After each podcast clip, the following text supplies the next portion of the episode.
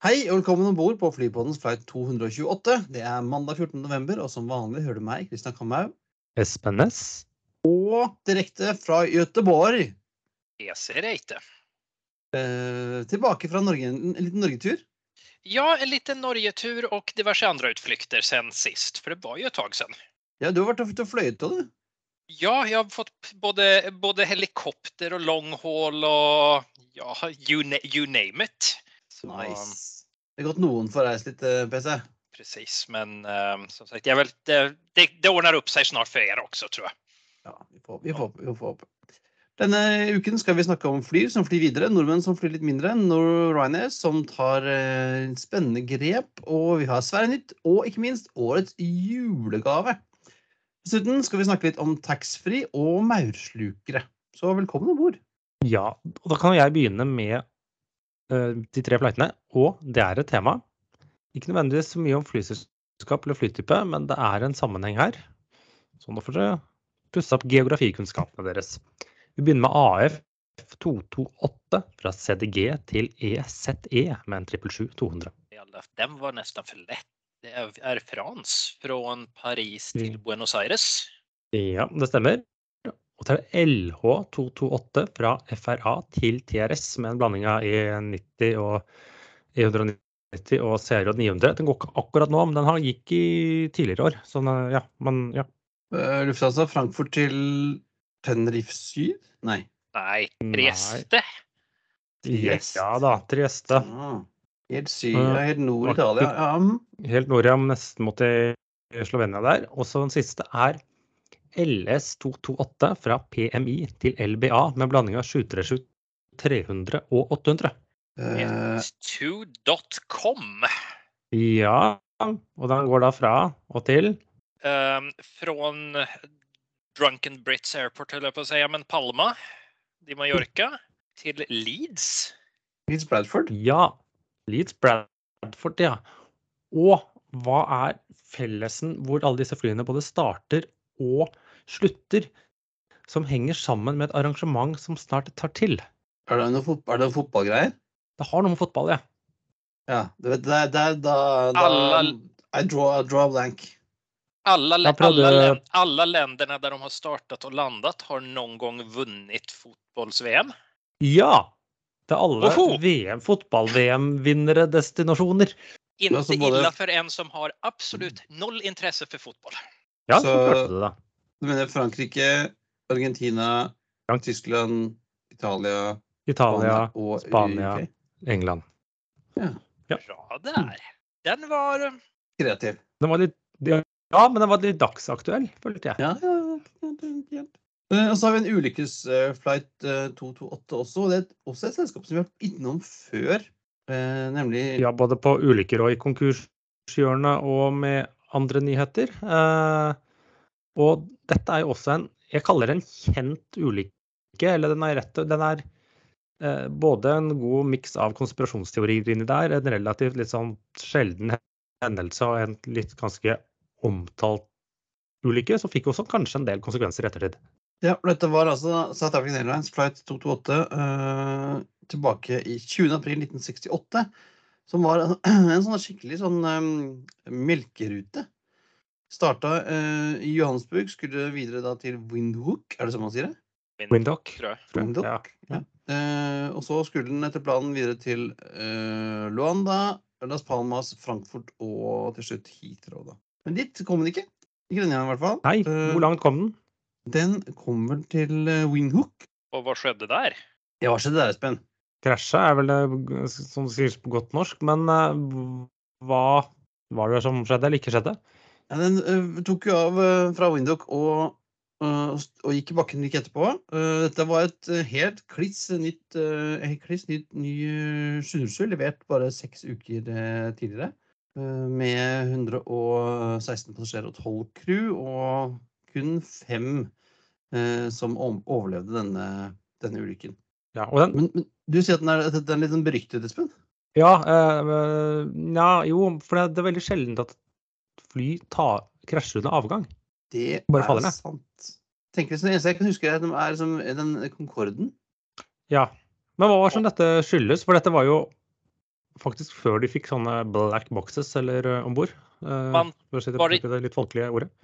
Man har väl för mig att det var, en, det var väl en serie faktorer som skedde där, om inte jag har helt fel. Det var crew, men primärt crew resource management i kombination med mörker och inga visuella referenser och ja, potentiellt också en bird strike, men det vet man inte helt säkert. Loss of situational awareness. Det er litt kjedelig å ha en Du, du flyr jo litt, eh, PC, så, så det er kanskje ikke det du vil vite. Du vil liksom helst ha kontroll på hvor du er. Ja, og vet du ikke hvor du er, så skal du ha kontroll. Vet du ikke hvor du er visuelt, så vil du helst ha kontroll på dine instrument. Og det er vel anledningen at Ja. eh, instrument flying er en helt egen skola. Og så tillegg til det så tok de opp flaps her eh, for hva vil jeg si for fort, for de brukte en eller annen sånn, de var vant til en annet fly. Tenkte ikke de var på en ny modell, og da visste de trolig ikke helt hva de var. Og, men det kom jo i ettertiden, da, sånn par år etterpå, de innførte da FFA en sånn ground proximity warning system, som var, skulle liksom være obligatorisk å ha om bord på større jetfly. Ja, og den skal vi vel komme tilbake til litt senere i sendingen, faktisk. Når jeg tenker meg om. Men fra sørafrikansk uh, ulykke til en maursluker. Og hva har maursluker med flight 228 å gjøre, egentlig, PC? Ja, det er vel det at eh, Dornish eh, 228 är väl också känd som Maursluken eller om vi ska säga det på svensk, Myrsloken. Ja. Det er altså en 19-seters turboprop-maskin. En litt sånn, eh, var vel bygd som en slags eh, Twin Otter-erstatter eh, av, av Dornier i Tyskland. Bygd fra 1982 til 97, og bygges fremdeles på lisens i, eh, i India av Hindustan Aeronautics. Men har de ikke forsøkt å komme en sånn NG eller Next Generation i Tyskland nå? Eller var det Jo, Tyrkia, eller var det et eller annet Det er Ruag som, som kjøpte, kjøpte den eh, typen. eh, Holdt på fra eh, 2010 til 2020. Og så er det noe som heter General Atomics nå, som også skal bygge, skal sånn bygge eh, Dornier 228. For det er, sånn, det er jo en, en, en rugged eh, maskin. Den, eh, den tåler litt. Ja, och det, Ja. Säger väl en, det säger väl en hel del hur mycket den tål. Inte när vi har 57 tillverkade maskiner som har gått över 4 miljoner timmar. Så den är, den är en arbetshäst. Uh, var eh, mye å se i Norge back in the day, både hos eh, Norving og Air, Arctic Air og Guard Air. Og i Sverige også Hudix Air og litt sånn forskjellig. Ja, vi også fløyet med, Ja. med Dorney, hvis ikke jeg husker feil. Precis, det är, är Hudik. Men var det, inte, var, det inte den, var det inte en eh, Dornier 228 som hade en kapningsepisod i Norge? Jo, Jo, det var Kato den Cato Air, var det ikke det? Ja. Cato, det har jeg glemt, ja. Eh, Og den flyr jo fremdeles med 228 på Svalbard. Ja, til den der derre. Ny-Ålesund-flyplassen som er litt sånn shuttle for å komme dit. Men det, ellers er det jo liksom interessant, den er jo tydeligvis ikke dødd, da, for disse General Atomic som kjøpte de, de tilhører en del av dette General Dynamics-konsernet, som bl.a. produserer F-16, som man kanskje er litt mer kjent med eh, ja, i Norge. Ellers er det jo ja, det er lite fly, det er vel 19 seter. Én sete på hver side av midtgangen, men jeg husker jeg har fløyta eh, på verdens største rute i sin tid, Oslo-Fagernes. Ja, jeg har fløyten på en eh, muligens enda litt større rute, Oslo-Skien, eller så Fornebu-Skien, og den siste flighten til Arctic Air mellom Vardø og Eller Kirkenes og Vardø. Ja, for de hadde, de hadde lisensen der, eller hva heter det, ruten der, før uh, Widerøe tok overalt. Videre, ja. Så jeg, dro, jeg fløy med den siste flighten inn eh, fra Kirkenes, og så var det jo en dag etterpå så var det Widerøe som overtok ruta. og Da gikk stasjonen over fra Arctic Air til Widerøe stasjon i løpet av natta. Det var gøy. Ja. Med de samme ansatte, stort sett, eh, antar jeg, og de samme passasjerene. Mer eller mindre. Och jag har dessvärre inte haft glädjen att flyga den. Men ska man tro statistiken så är det ingenting jag vill försöka heller. I alla fall inte i Nepal. Nei, trillar de Nepal. Jeg skulle til å si du kunne dra, altså, I Nepal flyr det jo ganske mange av de fremdeles rundt omkring, men eh, de detter jo også ned eh, ganske ofte. Ja, men ja, det er jo ikke flytypens skyld Nei. at de har en eh, flyplass som er eller Rullebanen er omtrent eh, like bratt som bakken opp til meg. Ja. Men jeg tror, jeg mener husker PC, at, at du kan fremdeles, eh, hvis du får deg en flight fra eh, Longyearbyen til Ny-Ålesund, så tror jeg du faktisk kan fly Dornier 228 i, i Norge fremdeles. Det der, da får jeg legge den på Legg, Ta en tur opp til, opp til Svalbard. Og så er det jo uh, disse her eh, Zero Avia i Storbritannia som driver og bygger om en for å kunne fly på hydrogen. Eh, Ja, ikke men den har vel ikke fløyet? ennå. Nei. Nei, men den har, de har kjørt sånne, sånne mm, high speed test eh, taxi, i hvert fall. Ja. Så den ene motoren, eh, ene motoren er da trad- tradisjonell, den andre er hydrogendrevet. Og det er vel like før, tror jeg, de skal fly, til å fly. Ja, det er vel en typisk fly som er den størrelsen hvor man kanskje skal begynne. Ja, så får vi se da om, om det blir noe mer fart i Dornier 288. Det finnes jo fremdeles ganske mange igjen rundt, rundt omkring. Uh, brukes jo også av eh, Forsvaret. Den finske kystvakten har vel et par stykker fremdeles, tror jeg. Eller sånn. Eh, morsom. Den ser jo litt rar ut. Uh, Firkanta flykropp og litt sånn lang, eh, lang snute, som vel også har lasterom, hvis ikke feil. Jeg tror det, Morsom, men det er jo der derav navnet. Maurstukker. For det ser jo ut som den har en real snabel. Riktig. Så eh, det var Dorney 228. Eh, et selskap som ikke flyr Dorney 228 og nep- neppe kommer til å gjøre det, er eh, Flyr. I forrige episode så satt vi jo her og ventet på Flyr dommedag, og så klarte de seg, gitt. Ja, eller først Eller bare si Ja, de flyr videre. eh, Så først ikke. Først var jo denne rette dimensjonen hadde feilet, for det var noen som hadde kommet opp med et annet forslag, så de fikk jo en, ble en ny frist. Og så hadde jo en rekke investorer ledet av han Sissener og co. kommet opp med en annen plan, fordi eh, det dilemmaet sånn, er at de mente at én, fly trengte mer penger enn de ba om, men to, de var ikke villige til å spytte inn så mye penger. Så man måtte finne på en, kall det si, en ny løsning. Så, Ja, ja. Kan, ikke du prøve å forklare dette, hvordan det funka, Espen? Ja, eh, kort sagt, opprinnelig så sa Flyr at eh, de trengte var det totalt 530 millioner, men i Ja. første omgang 430. Da skulle det være en reparasjonsemisjon. Og så sa disse investorene at nei, det, dere trenger nok litt eh, mer, men vi vil ikke gå inn med så mye med en gang. Så da ble det en sånn løsning hvor de først spytter nå inn 250 millioner kroner, så blir det en slags reparasjonsemisjon eh, på 100 millioner til, og så gjentar man det samme til eh, til vinteren eller våren. eh, slik at liksom, hvis ikke man ser at fly liksom har begynt å levere litt som de har lovet og har en litt sånn troverdig plan, så begrenser de eh, tapet sitt i langt større grad. Emisjonskursen er som sagt den er fortsatt ett øre, så eksisterende aksjonærer har tapt alt og blitt eh, totalt vant ut. Men that's game. Eh, det er sånn, eh, sånn det er. Så det gir jo i og for seg en mening. Og så selvsagt de vi- som Mine aksjer har vært en tomflaske, det er det du sier. ja, det er klart en skit, men du kan være- delta i en reparasjonsemisjon, som jo har jo en verdi så lenge kursen er over et øre. Uh, og jeg tror det er såpass i nedside, og det er såpass så jeg tror at de profesjonelle investorene har tegnet her, de, de skiter egentlig om flyet lever om tre år, men, eh, eller to eller ett. Men, men så lenge de får solgt aksjene sine mer enn ett øre, eh, så er de i pluss, de. Jeg er ikke mange ute, ute allerede.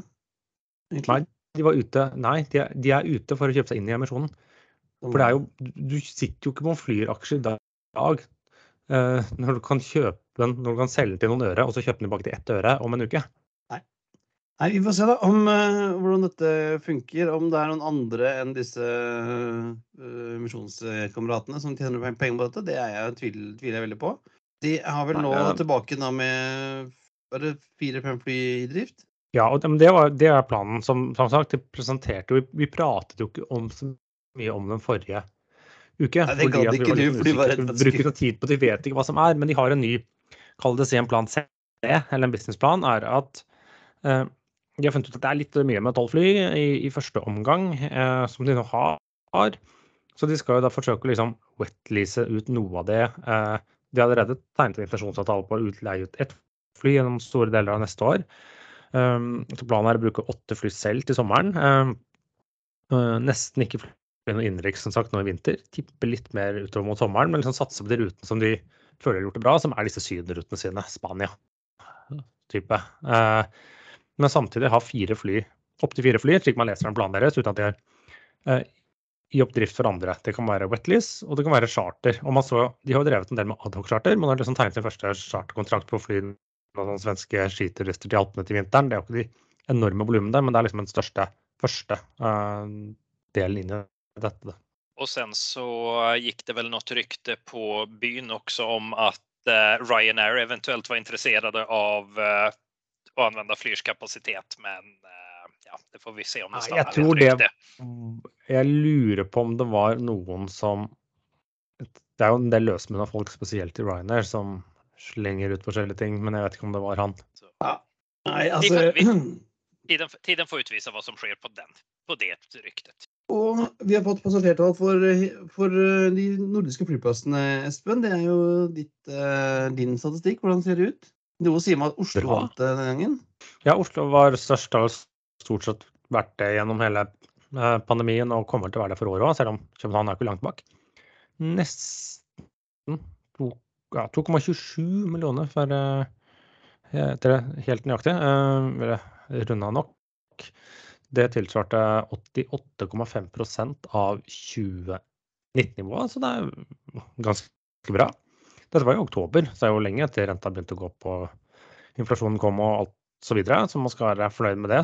Så spørsmålet er er det en midlertidig eh, topp til langt ut i neste år, før man kanskje kommer seg litt ovenpå igjen. Hvem vet? København de hadde da 2,26. Så det var ikke 10 000 færre enn eh, Oslo, men normalt er jo de vesentlig større i oktober. For det tilsvarte da 83% blank av 2019-nivået. Men det er over 80 Arlanda var også over 80% 81 av 2019-nivået 1,8 millioner, så vesentlig bak, men prosentvis ikke veldig langt bak.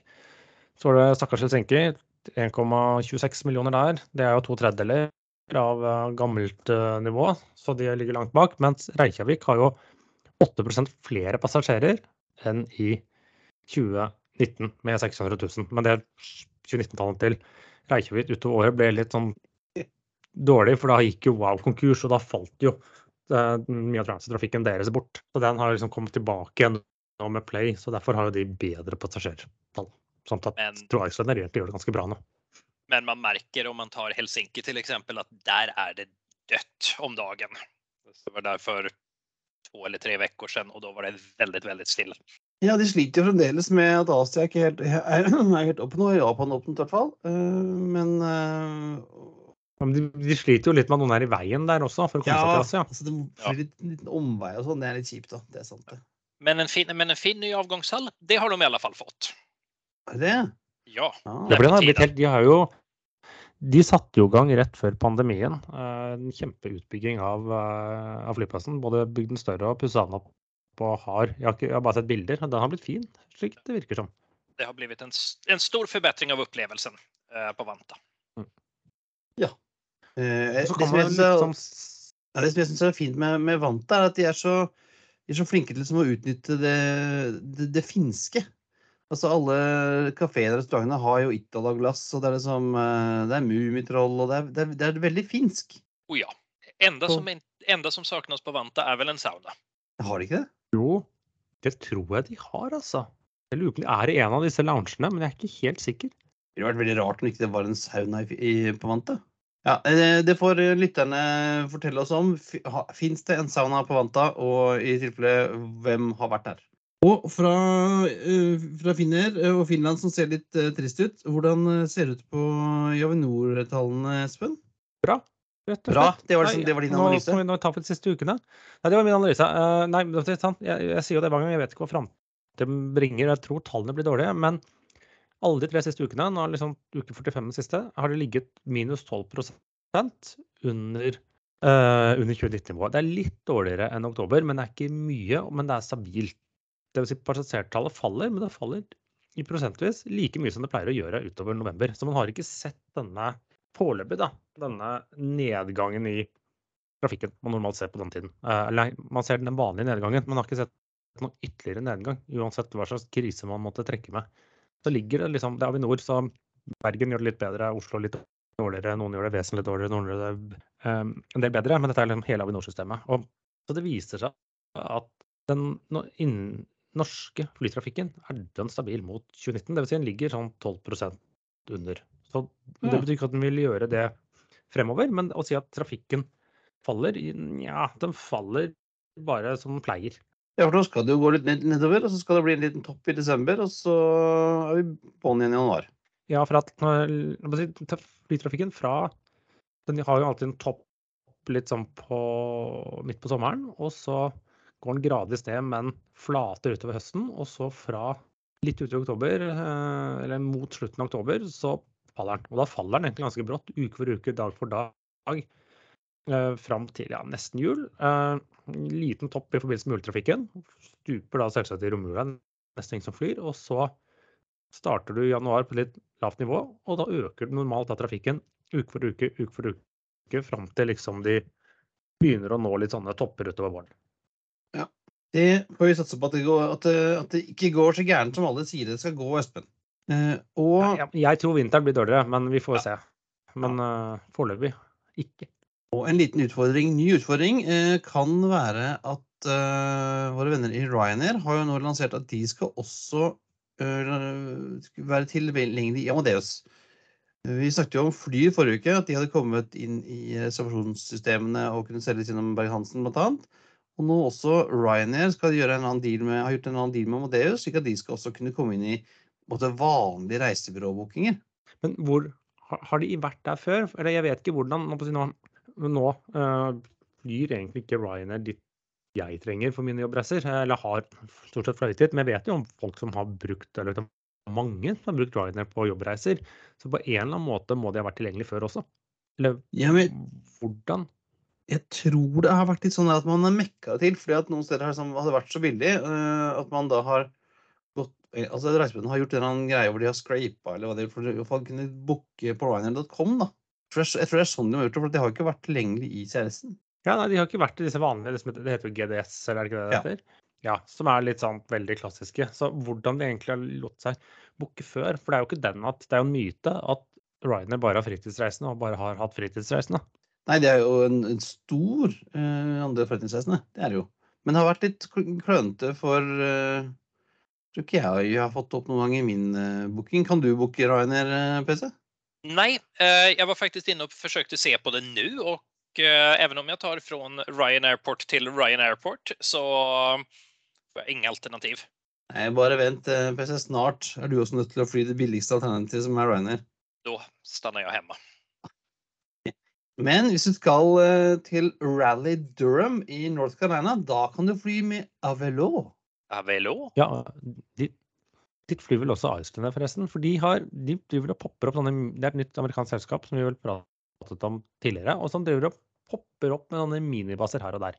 Ja, eh, de starta vel i fjor, vel, fra Burbank, tror jeg. Og nå har de med denne Rally Durham-basen så blir det deres femte. Så de har altså Burbank, Hollywood, de har Tweed, New Haven, Connecticut, Orlando og Newcastle ved Ikke Newcastle, men Newcastle ved Wil, i Wil, Wilmington, eh, Delaware. Og så håper jeg denne nye Rally Durham. Og uh, har, noen, har noen av dere vært i Rally, i sånn Rally eller Durham? Nei. Ikke Eh, personlig, nei. Nei, ikke heller. Og dette, man ser som ah, det er sånn, en liten amerikansk by. Uh, Rally har eh, har vel en ja, på størrelse med Oslo omtrent, og Durham har, er en på størrelse med Bergen. Uh, og de ligger såpass nære at de deler flyplass. Uh, og Rally Ja, så er det andre jo sånne semistore eller semistore eller semismå byer også rundt omkring der. Ja, uh, så de har ganske stort catchment area, og Rally er jo hovedstaden i North Carolina. Og nå fra Rally Durham skal de fly til New Haven.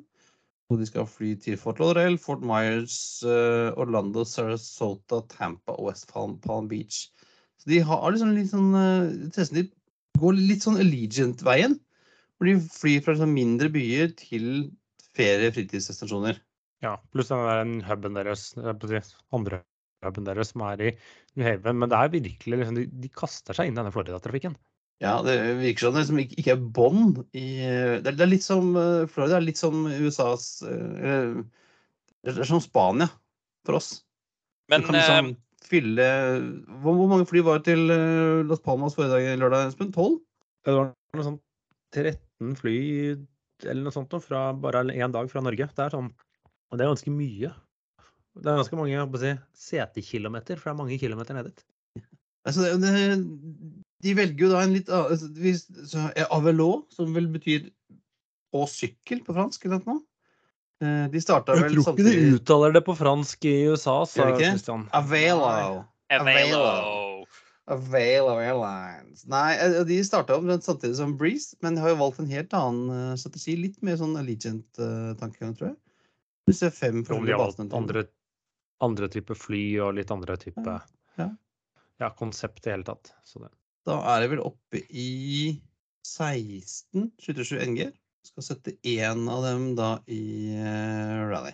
Et selskap som er verdt å følge med på. De har liksom vokst jevnt og trutt. eh, uten at det, og det virker som de plukker steder hvor de liksom ikke er i veldig har så mye konkurranse fra andre.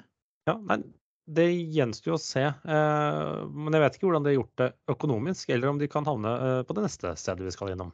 Nei, nå skal vi til konkurshjørnet, men, eh, men, men med positivt fortegn. Ja, jeg trodde jeg, ja, det er morsomt å stokke den her nå. Jeg trodde jeg hadde en konkurs i morges, for da var det meldt om disse Hans Airways, som er sånn nystartet eh, low Ja. eh, A330-operatør, var insolvent. Og så gikk det noen timer, og så meldte de at de hadde ny finansiering på plass. Ja, for de hadde fått en eller annen wetlease-deal, sa jeg også.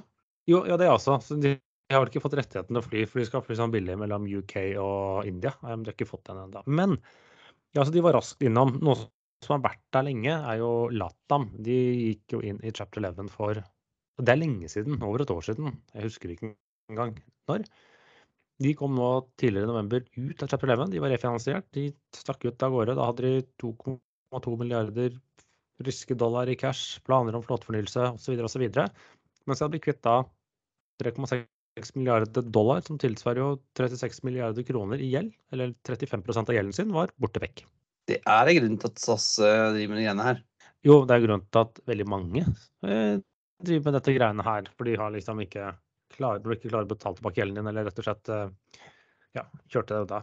Og det tar oss til SAS. En liten sånn chapter 11-update der var jo at de melder jo stadig ved et par i måneden at de blitt enige om forskjellige leasingselskaper, så da kom det ytterligere et leasingselskap, Bokom, som har blitt enige om med nye leasingavtaler for tre fly fra SAS. Og slik jeg forsto det, det var snakk om widebodies, så når jeg leste før rollet meg litt nedover sånne flåtelister, så tror jeg det er tre av de til sammen fire disse A330-300-maskinene som de fikk levert for en sånn seks år siden. Så de som er de litt nyere av dem. Ja. Så det er stadig, stadig nye sånne smådrypp fra, fra chapter 11-prosessen. Det ser ut som da skal man tro at det begynner å ordne seg. Ja, men det er jo fortfarande en hel del eh, prioriteringer som, som skal gjøres på alle fronter. Så um, vi, får hva vi får vel se hva, som skjer med både det ene og det andre i månaderna framöver. Men eh, en, av de, en av de sakerna som man får prioritera det er jo var ska man, vart, vad ska man flyga, när och var?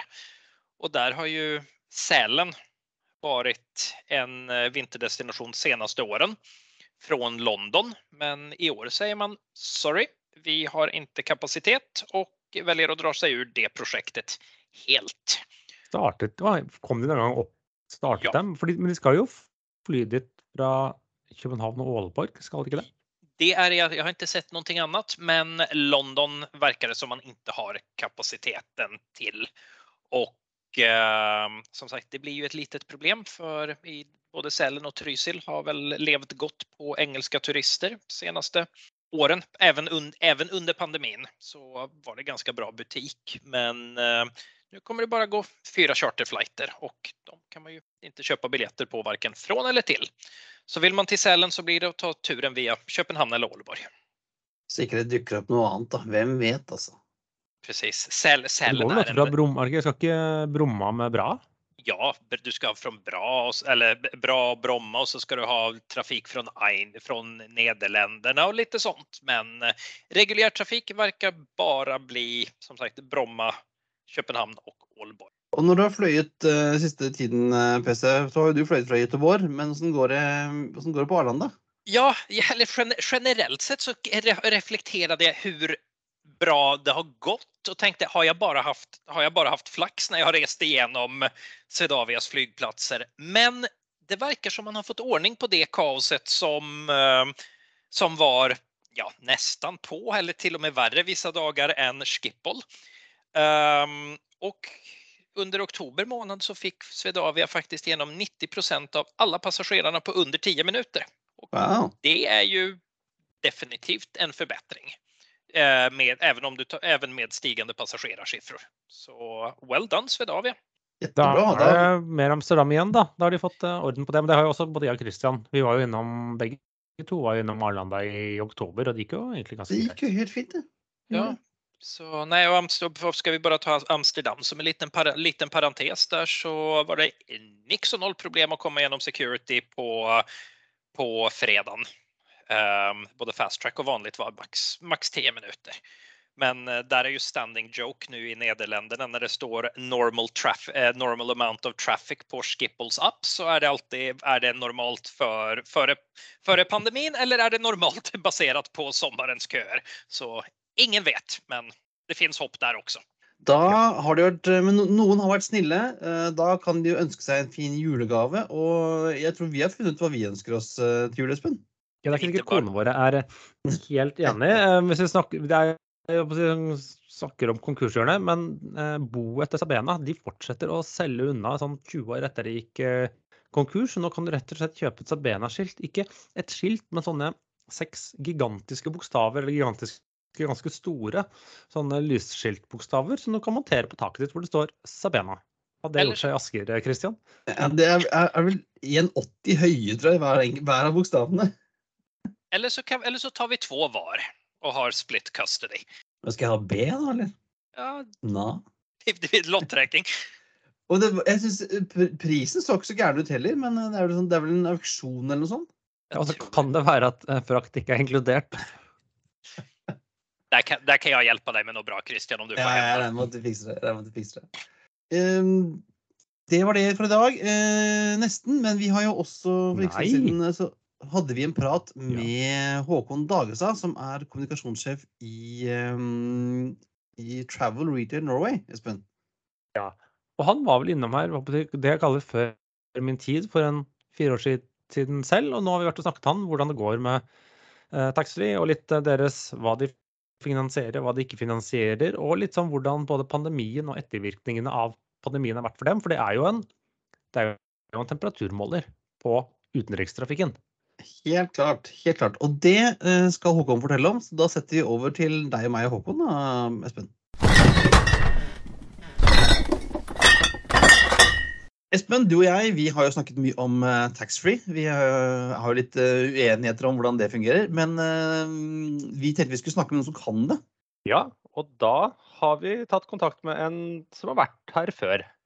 En gammel gjest, friend of the pod, Håkon Dagestad, kommunikasjonsdirektør i Hva heter selskapet nå? Travel Retail Norway. Ja, Tax, taxfree. Taxfree. Tax. For å gjøre det enkelt. Velkommen tilbake. Det er lenge siden sist. Takk. Ja, det, er, det begynner å bli noen år.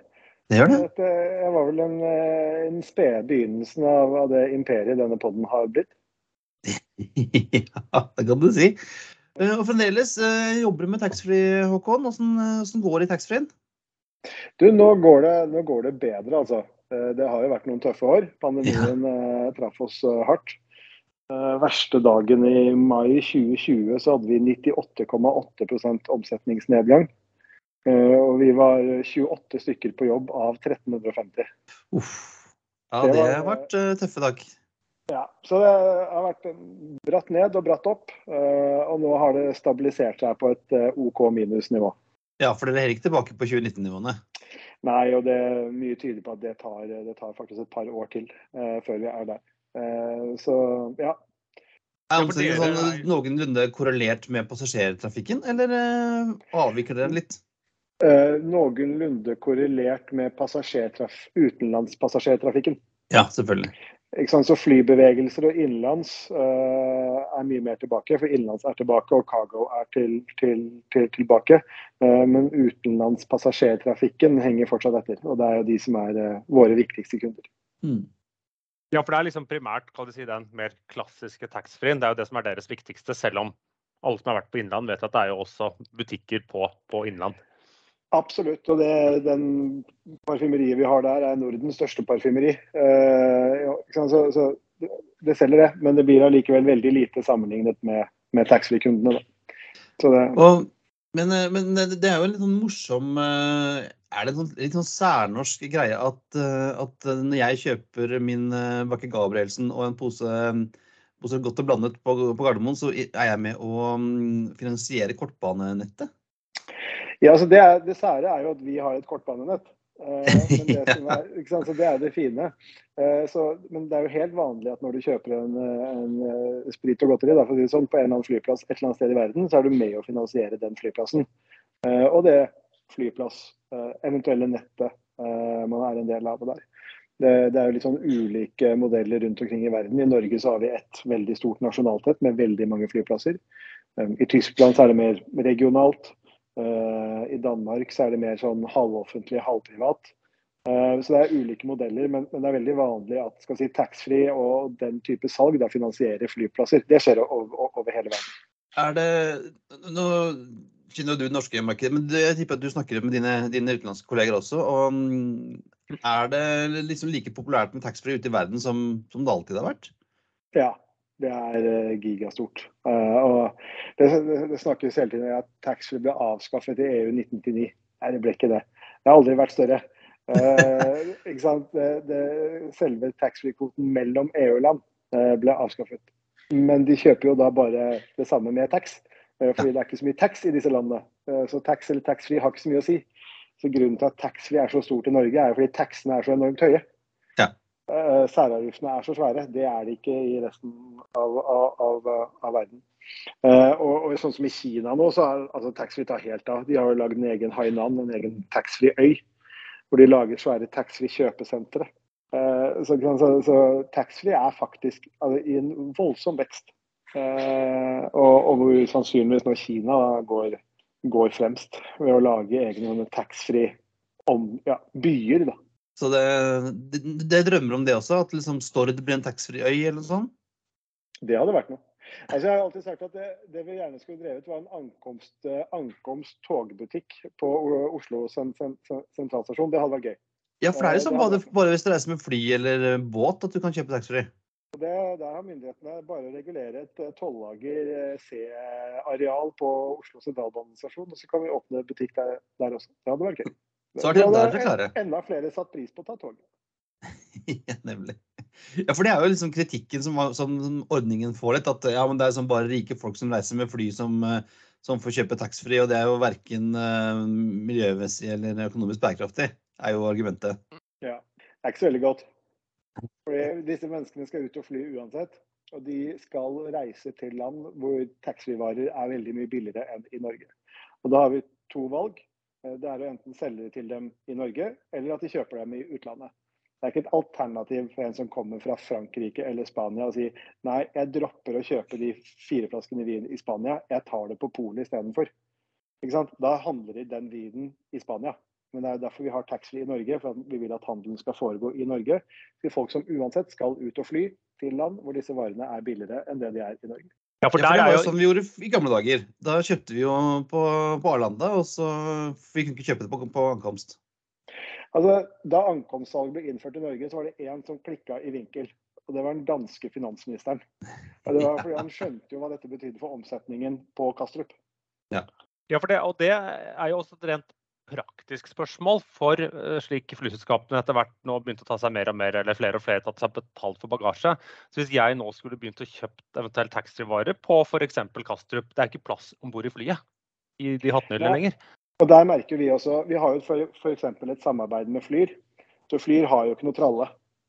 Mm. Men du kan handle hos oss eh, om bord. Bestille bestille online. Eh, og vi har flere og flere som, som snakker med oss, og som er litt interessert. Er dette her en mulighet?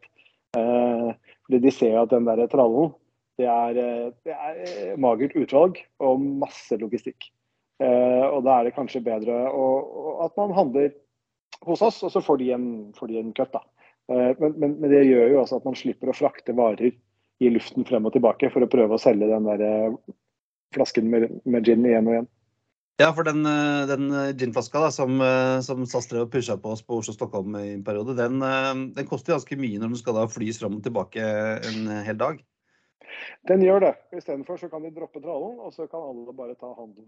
Er det liksom en, en, en ny forretningsmulighet for dere? At dere liksom samarbeider med flyselskapene for at de skal pushe, pushe varene? Ja, det er det jo. Men den er, den er nokså liten, fordi altså, de trallene har ikke så veldig stor markedsandel. Eh, så, så det, er ikke, det, er ikke, voldsomme volumer de eventuelt henter derfra. Eh, men det er, det er nok en service da, hvis det gjør det enklere for reisende, hvis det gjør det enklere for kundene og hvis det sparer miljøet, så er det en, en, en fin troika.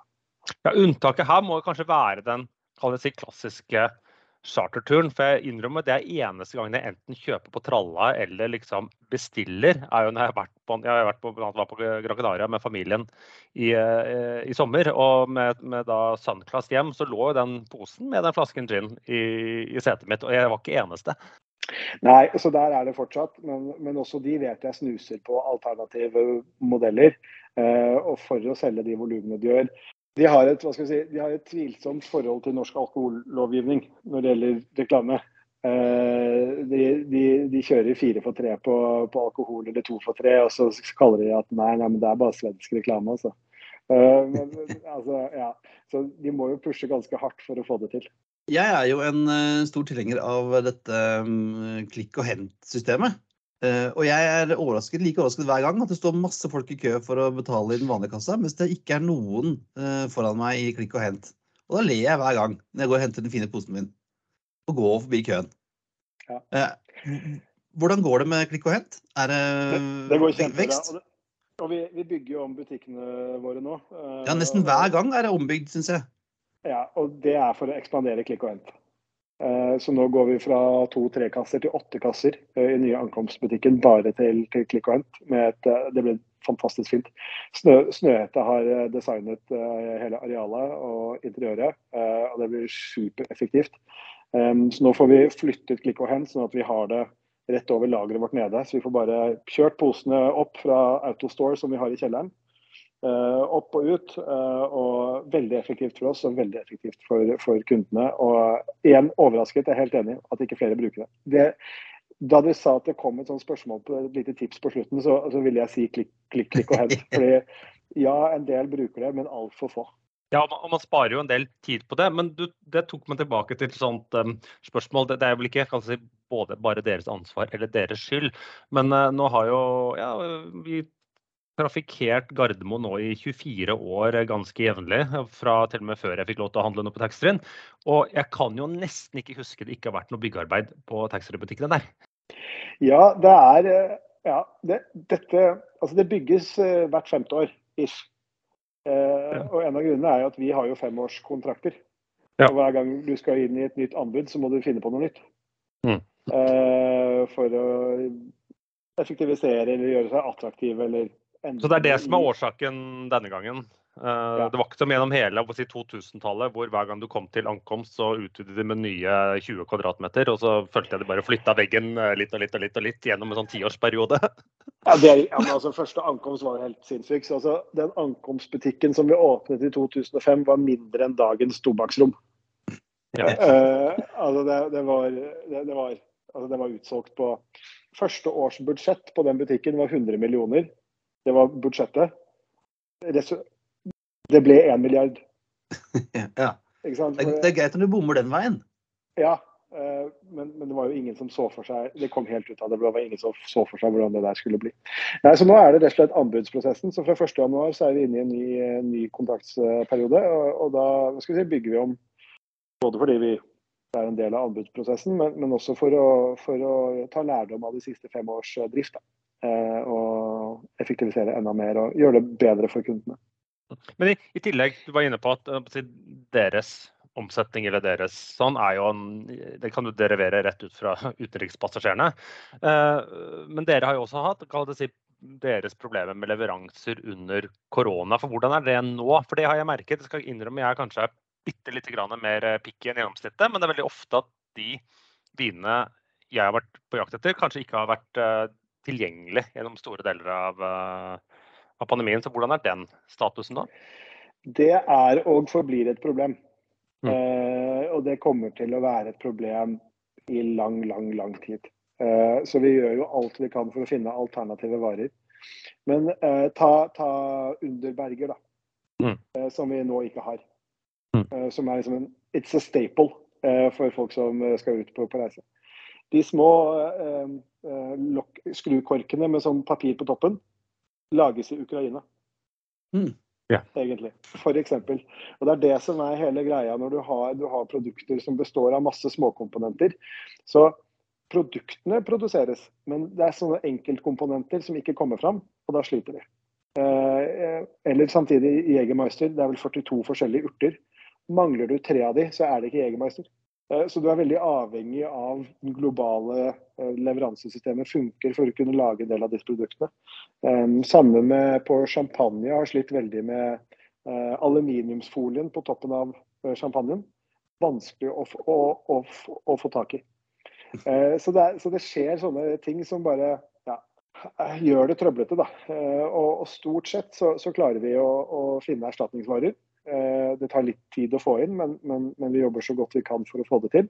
Men sånn som for Underberget, så er det, det er ikke noe, det er ikke noe erstatning der. Det er ingen som lager noe, noe likt. Um, Den siste tiden så har jo regjeringen, den nye regjeringen strammet litt inn på taxfree-ordninger. Blant annet så forsvant den muligheten til å gjøre om eh, tobakk til eh, vin. Jesus gjorde vann til vin, men vi, i taxfree så kan du gjøre om tobakk til vin. Syns jeg var en ålreit eh, løsning. Um, og nå er jo også redusert tobakkskvoten. Um, hvordan føler du at liksom, dagens regjering eh, ser på taxfree-ordningen, egentlig? Altså det med, å, det om å bytte tobakk og vin, det, det var helt forventet og helt greit. Og for oss, altså det var jo en byttekvote, så for oss så har det ikke så mye å si. Um, det, med, det med halvering av tobakken ja, Det er jo ikke vedtatt, da. Det er jo et mindretallsforslag, Mm. for regjeringen er jo i mindretall. Eh, Jeg tror ikke altså, Eller jeg vet ganske sikkert at de ikke har tenkt gjennom konsekvensene. Eh, Blant annet, ikke sant. Forslaget er jo Jeg tror egentlig vi er med dragsuget her. Jeg tror egentlig det de vil, er å ta grensehandel eh, til livs. Det de ikke tenker på, som bare er helt utrolig at de ikke har tenkt på, er at det kommer til å øke grensehandel. Nå må du dra dobbelt så ofte til Sverige for å få dekket eh, konsumet ditt. Det er ikke sånn at Hvis kvoten blir halvert, så halverer du konsumet ditt. Du må bare dra, dra, dra til Sverige oftere. Ja. Million nordmenn bor innen én time fra, fra, fra, fra, fra Sverige. Og det er ikke sånn Nei, men siden jeg ikke, siden jeg ikke kan spare syv altså, Siden jeg ikke får, eh, får full kvote, så, så kjører jeg på Rema 1000 istedenfor å kjøpe kartongen min, min der. Det kommer ikke til å skje. Kommer til å kjøre dobbelt så ofte til, til Sverige. Og da ligger mer av den øvrige dagligvarehandelen sin til, til Sverige. I hvert fall i de tidene vi går inn i nå. eh, Så er vi, penger er, er mer viktig enn tid. Og hvis du da må bruke litt mer tid på å kjøre over grensen en gang til, så tror jeg veldig mange flere kommer til å, å, å, å gjøre det. Jeg tror jeg rett og slett ikke har si, De har tenkt på det som skrivebordsøkonomer i Finansdepartementet, og ikke som noen som kjenner forbrukere. Og forbrukerne går etter penga. Eh, og hvis de må dra, kjøre en tur ekstra til Sverige, så gjør de det. Har dere noen andre sånne produktendringer eh, på gang? Liksom eh, nye måter å selge og handle på og, sånt? Ligger, ligger det noe i pipen for neste år som vi kan glede oss til? Mm. Ja, vi, det ligger i pipen, men jeg tror ikke så mye kommer til neste år. Uh, litt fordi vi er avhengig av, av noen større teknologiske endringer hos oss for å få dem til, og fordi vi jo kommer ut av den pandemien vi gjør, og investerings... Det brukes mye penger på de butikkene nå, da. Uh, men, men, men vi ser jo altså Klikk og hent vil jo bare bli bedre og bedre. Uh, ser også mer på si, det vi kaller scan and go. Altså, Ja, for det har jeg sett at også kommet. Ja, eh, og det vi får, får til det via appen. Um, har, har, har dere sett de der nye trallene som vi har pilotert på Oslo lufthavn nå, med sånn kart? Eh, Ja, jeg jo, har sett. Det er sånn liten uh, iPad-skjerm på tralla med kart over flyplassen. Den så jeg sist jeg var på tur. Den blir kjempekul. Eh, Så nå har vi kjørt en pilot, forlenger den litt, eh, enda litt, eh, litt mer for å lære enda mer. Eh, Men da skanner du bare boardingkortet ditt når du kommer inn, inn på flyplassen. Og da får du opp på skjermen eh, hvor du skal, da. Eh, Hvor er gaten din, hvor må du gå for å gå til gaten. Og så får du se underveis uh, ulike tilbud. Uh, og det vi har testa oss frem til, at liksom, det som funker dårlig, da, er å ha tilbud på Le Corporel, den i hvite bodylotion. For den skal folk ha uansett. Det som funker bra, er å uh, ha tilbud på solbriller. Eller noen andre som hadde tilbud på sånne der nakkeputer. Ja. Solgt helt vilt mye. Sånne ting du egentlig ikke tenkte på. Men sånn Oi, her, ved å bruke denne får jeg et tilbud her. Det går jeg inn og, og løser. Så det skjer jo veldig mye på hva skal vi si, kundeopplevelsen uh, i butikk. Om det enten er ved bedre mobilapplikasjoner, eller, eller sånn som her da med dette ITS-systemet, som det heter. Uh, som da har en full tracking av flyplassen. Apropos tracking, så er det jo veldig mange som går på Gardermoen som kobler seg på det trådløse nettet for å få gratis eh, wifi. Eh, Får dere, hvordan, eh, får dere noe av de dataene så dere kan måte se hvor folk går? Hvor lenge de holder på sånn? Nei, så det viktigste vi får der er jo Man må jo ofte svare på sånn kundeundersøkelse eh, for å få dette gratis wifi. Og Mm. da får vi god feedback. Så vi har en egen app da, som går via de som bruker wifi. Hvor vi kan trekke, altså hvor vi får input da, på om de er fornøyd eller misfornøyd med, med servicen i butikkene våre. Eh, Men, men, men vi får ikke noe sånn eh, heatmapping på Nei. Nei, så, i- Frankfurt hadde de gjort en test med det der, liksom, hvor de kunne måle så liksom på hvem som handlet mest, og hvor de kom fra. Og, og de kunne se at det var en korrelasjon med sånn, når kineserne kom inn på, på en gate nærme taxfree-butikken, så handla de mye mer. Ja, men og de, de, data, de analysene kjører vi jo for så vidt allerede. Eh, for, men det gjør vi ved at vi har boardingkort-data. Så vi vet jo destinasjonen til folk. Og eh, når du korrelerer boardingkortdata med omsetningsdata, så, så kan du finne ganske mye spennende. Ja, kan du uten å si, røpe noen bedriftshemmeligheter, kan man du liksom trekke fram si, eh, eventuelt gi et eksempel på da eh, typisk destinasjon som bidrar til lite, eller en destinasjon som bidrar til mer, eller en kategori? Eh, det som bidrar aller mest, er altså De to kategoriene som bidrar aller mest, er, det er, det er charterturisten. Mm. Den er superviktig. Uh, og så er det som du sier, asiatiske reisende. Uh, som har Oslo lufthavn eller Bergen lufthavn som sluttdestinasjon. Eller nei, som, som siste punkt for av, Mm. av, avreise. Det er veldig viktig. De, de handler aldri hvis de skal videre i, i, i transit, så handler de ikke. De handler på den siste flyplassen de skal før de skal hjem. Eh, Så Det er derfor direkteflyvninger til Asia har så stor markedsverdi for, for flyplassene. Det er fordi da, det er da turistene legger igjen pengene sine. Eh, Så ja, de to er liksom aller størst. Og, og derfor så er altså Antalya, Alicante Mm. er jo Ja. og så videre. Mens 06-flighten til Stockholm er kanskje ikke den mest innbringende for dere. Nei, den er ikke det. Eh, så, så altså, den, i seg, den bringer jo inn fordi volumene til Arlanda blir så store. Eh, Ja, men jeg tenker liksom på å ta sånn typisk morgenflight hvor du bare møter opp så sent som mulig for å få den ekstra ti minuttene med søvn eh, og er i går i og svime om bord. Vårt nøkkeltall er jo salg per passasjer.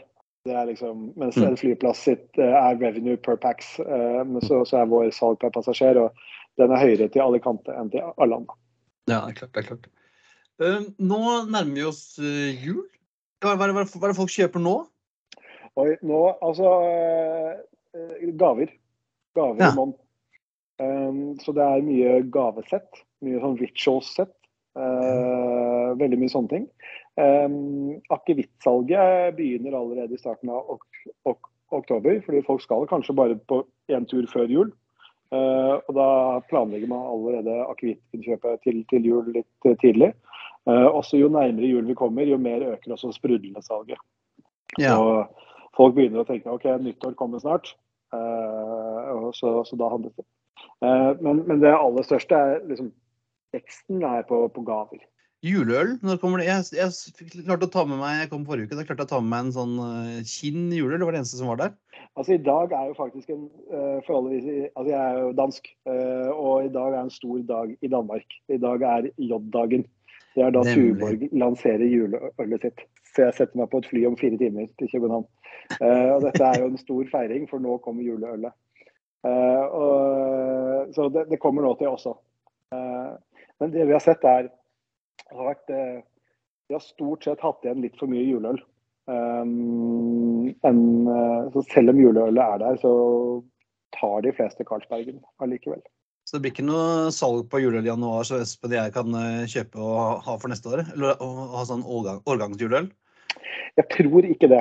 Eh, Det har skjedd, eh, men jeg tror ikke det i året. Jeg tror vi har, har nedjustert pro pro prognosen litt. grann. Men juleølet er på vei, altså. Som sagt, mange lanserer det i dag. Og Du fikk jo lov til å komme med anbefalingen din tidligere, men vi har jo tre spørsmål som vi pleier å spørre alle gjestene våre om. Espen, Skal vi ta de også? Ja, da begynner vi med det enkle. Eh, vindu eller midtgang? Og midt, midt, midtgang, lett. For du skal kjapt ut. Ja. Og ha plass på siden til å lene meg ut. Eh, hvis du skulle velge én destinasjon resten av livet du reiser til, uh, hva er det? København. Jeg hadde nesten forventet det med, med din bakgrunn. og du skal, du skal litt ned, ned allerede nå. Og siste er jo da hva er din favorittflyplass? Jeg har jo lyst til å si Kastrup, da. Ja, men den er god. Uh, den er god. Kastrup. Ja. Jeg, jeg, jeg er enig. Jeg er også den som er en av mine favoritter. For at jeg synes den, um, den fungerer godt. Den er ikke så stor. eh, Har bra restauranter, bra, bra, veldig bra shopping. Jeg er, er helt suveren. Ellers er det også En jeg ble positivt overrasket over her forleden dag, jeg vet jeg nå provoserer mange, men er det Charles, eh, Charles de Gaulle. Den har fått så dårlig, ja, den har fått så dårlig rykte eh, på seg. Men jeg var der i, i juni og ble litt sånn Det er noe trivelig over det. Over liksom, de er, eh, særlig en del av butikkene har klart å få liksom, det parisiske med seg inn i, inn i, inn i look and feel. Så selv om det er et er mareritt å reise gjennom og bagasjen alltid blir borte og de tingene der, så var det en eh, trivelig stemning eh, på selve flyplassen. Det må jeg si. Ja, det er overrasket at noen nevner Charles de Gaulle i positive ordelag, men OK, den skal, den skal du få for. Det var derfor jeg tok den, bare fordi den får som regel bare tid. Men, men jeg, jeg hadde det veldig trivelig der. Ja, det er bra. Men eh, Håkon eh, Dagstad, tusen takk for at du var gjest i, eh, i Flypodden. Og lykke til med, med salget og ny anbudsperiode. Takk, veldig hyggelig å få, å få være her. Og så var det et siste tips også. Jeg, jeg må bare ta den. Snakk med personalet vårt. De er utrolig flinke. Så er det et produkt du ikke ser, ikke finner, sånne ting. De er veldig, veldig, veldig flinke. De som står i parfymen er makeupartister. De som står i vinen er, som, er sommelierer og vinkjennere. Det er ordentlig flinke fagfolk. Eh, Så prat, prat, prat med dem. Bruk, bruk dem. Det er eh, veldig god service. Det skal vi gjøre. Takk, for, takk igjen, Håkon. eh, Og hygg, deg med J-dagen. Det skal jeg. Fint. Takk skal du ha. Takk, takk. Ha det. Ha det. Ha det.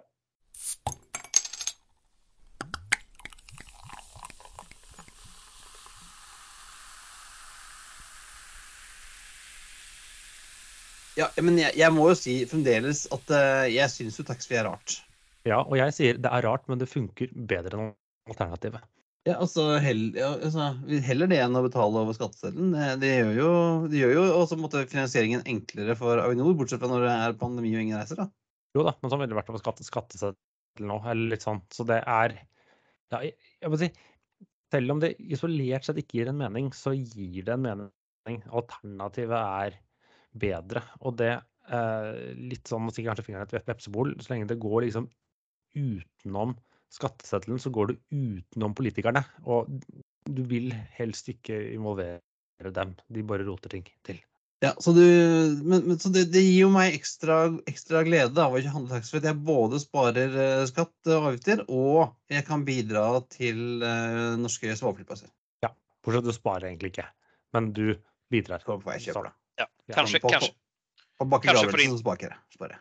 kanske får in tillräckligt pengar för att få en till i security på röst. Ja, det kan det trenges, det. Det kan trenges. Så Men, jeg tror vi får eh. Det er to anbefalinger. Den ene er jo Espen eller Håkon sin anbefaling. Det å handle taxfree på Skal du handle taxfree, så handel på klikk og hent. Jeg skjønner ikke at folk ikke gjør det. Nei, det gjorde jeg sist gang. Da bare eh, sveipa jeg gjennom mobilen dagen før jeg skulle tilbake. Kom inn, henta en sånn pose som sto og venta på med mitt navn på. Tappa kortet, og så vips, så var jeg ute. Ja, og så er det sånn at å, Jeg blir litt irritert, for av og til så er det ting som du ikke kan, som står at ikke er tilgjengelig eh, i Frikk og hent, men så er de, står de i, eh, i ankomstbutikken, og da er det lov å ta med seg det du ikke fikk kjøpt på forhånd, og putte oppi den posen. posen. De blir ikke sure på det. da. Du kan like, også ta med ting som du ikke har bestilt. Det går an. Eller kjøpe, da. Du kan ikke bare ta med. Nei, jeg må ikke ta altså, du, må putte, du kan ta det med og betale i kassa, da, men det er Ja. sånn, det er sånn du, er ikke, du, er ikke, du er ikke begrenset til det du har bestilt på forhånd. Du kan også ta med deg ting fra butikken og betale i kassa. Ja. Men så har vi en stjele. histo- Nei. Men så har vi en Asker-historisk anbefaling som vi har snakket om flere ganger før, men som også har nå kommet på podkast. For nå om et et par måneder så er det da 50 år siden uh, en Bråtens Fokker 28 krasja rett opp i lia for meg. Ja, det stemmer. Ved Myggheim. Jeg, både du og jeg har vært der på flere ganger på, på tur. På, jeg har vært der både på skitur og med gåtur med bikkja og sånn. Eh, og denne podkastserien som NRK lager som heter Hele historien, veldig, uansett, veldig, veldig god eh, historiefortelling, har nå hatt en todels eh, episode om denne Asker-ulykken i 1972. Eh, og veldig, veldig godt, uh, godt, uh, godt håndverk. De har snakket med masse folk og sånn. Eh, og der var det også snakk om at dette flyet ikke hadde ground proximity warning. Nei, Hadde de hatt det så hadde de visst at- taleregistrator. Ja. Hadde de visst at de hadde, hadde, hadde de hatt ground proximity warning, hadde de visst at de var et godt stykke unna uh, Fornebu. Og hadde ikke landa i trærne. Kanskje. Kanskje, kanskje. Kanskje. Og check- Eh, Så Men sjekk ut den, eh, sjekk ut den podkasten. Och tyck, så tänkte jag flika in en från min sida. Om man, Oh. har ett, om man har ett historieintresse så går det just nu i Norge en fantastiskt bra dokumentärfilm om eh, Norges insats under Kongokrisen eh, i början på 60-talet med Da snakker vi ikke Moland og French. Nej, da er det the original Congo Crisis. Eh, mycket helikopter, mycket om livet som eh, pilot nere i, nere i Kongo. Och Du har den- en spesiell eh, interesse av den også, PC? Okay? Ja, eh, min far var ju nere och flög helikopter för Norge under tid under 1961 till 62 och är faktiskt med i filmen och berättar delar av sin historia.